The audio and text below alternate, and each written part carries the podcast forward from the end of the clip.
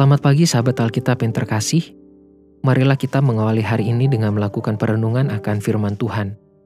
Bacaan Alkitab kita pada pagi hari ini berasal dari kitab kejadian pasalnya yang ke-18, ayatnya yang ke-9 sampai ayatnya yang ke-15. Lalu kata mereka kepadanya, Di manakah Sarah istrimu? Jawabnya, Di sana, di dalam kemah. Dan firmannya, Sesungguhnya aku akan kembali tahun depan mendapatkan engkau pada waktu itulah Sarah istrimu akan mempunyai seorang anak laki-laki. Dan Sarah mendengarkan pada pintu kemah yang di belakangnya. Adapun Abraham dan Sarah telah tua dan lanjut umurnya dan Sarah telah mati haid.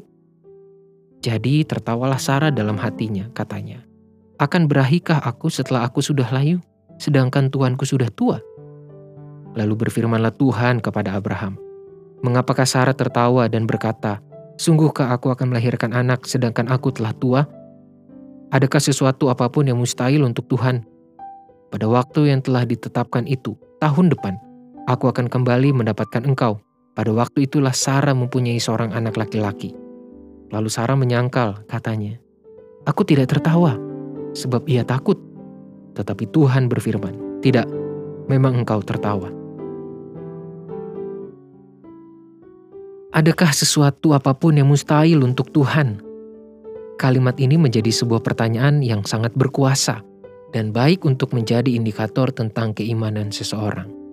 Namun, semuanya tergantung pada situasi dan kondisi yang memengaruhi hidupnya.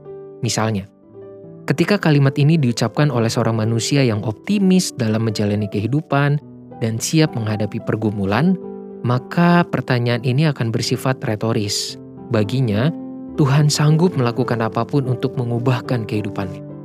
Namun ketika kalimat ini diucapkan oleh seorang manusia yang hampir pasrah dan cenderung tidak sanggup lagi menghadapi pergumulan, maka pertanyaan ini pun menjadi tanda akan kegentingan kondisi imannya.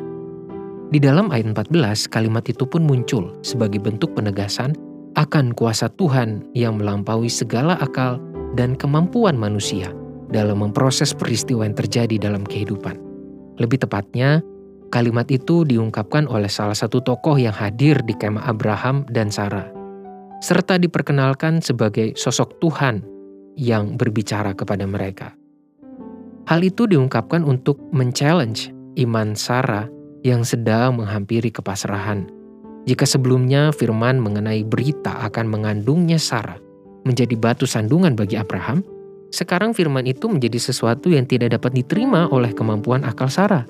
Itulah sebabnya pertanyaan, adakah sesuatu apa pun yang mustahil untuk Tuhan, menjadi sebuah ajakan bagi Sarah untuk mengevaluasi dan meningkatkan keimanannya kepada Tuhan. Sahabat Alkitab, bersikap sangsi ataupun mengalami keraguan pada beberapa situasi kondisi hidup bukanlah sesuatu yang janggal sebagai seorang manusia. Ada kalanya sebagai seorang beriman pun kita tetap dapat mengalami fase ini bersama Tuhan.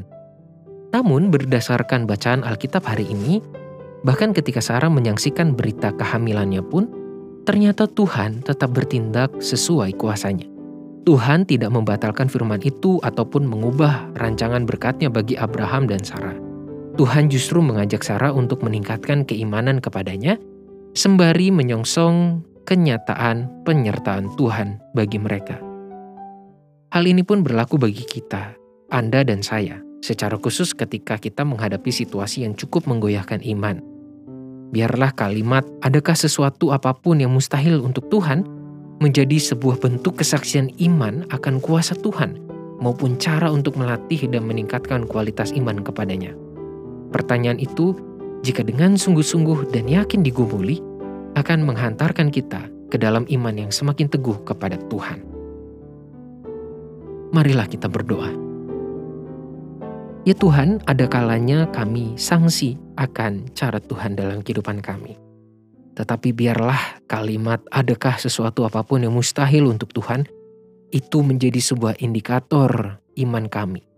Itu juga menjadi sebuah ajakan bagi kami untuk mengevaluasi iman kami.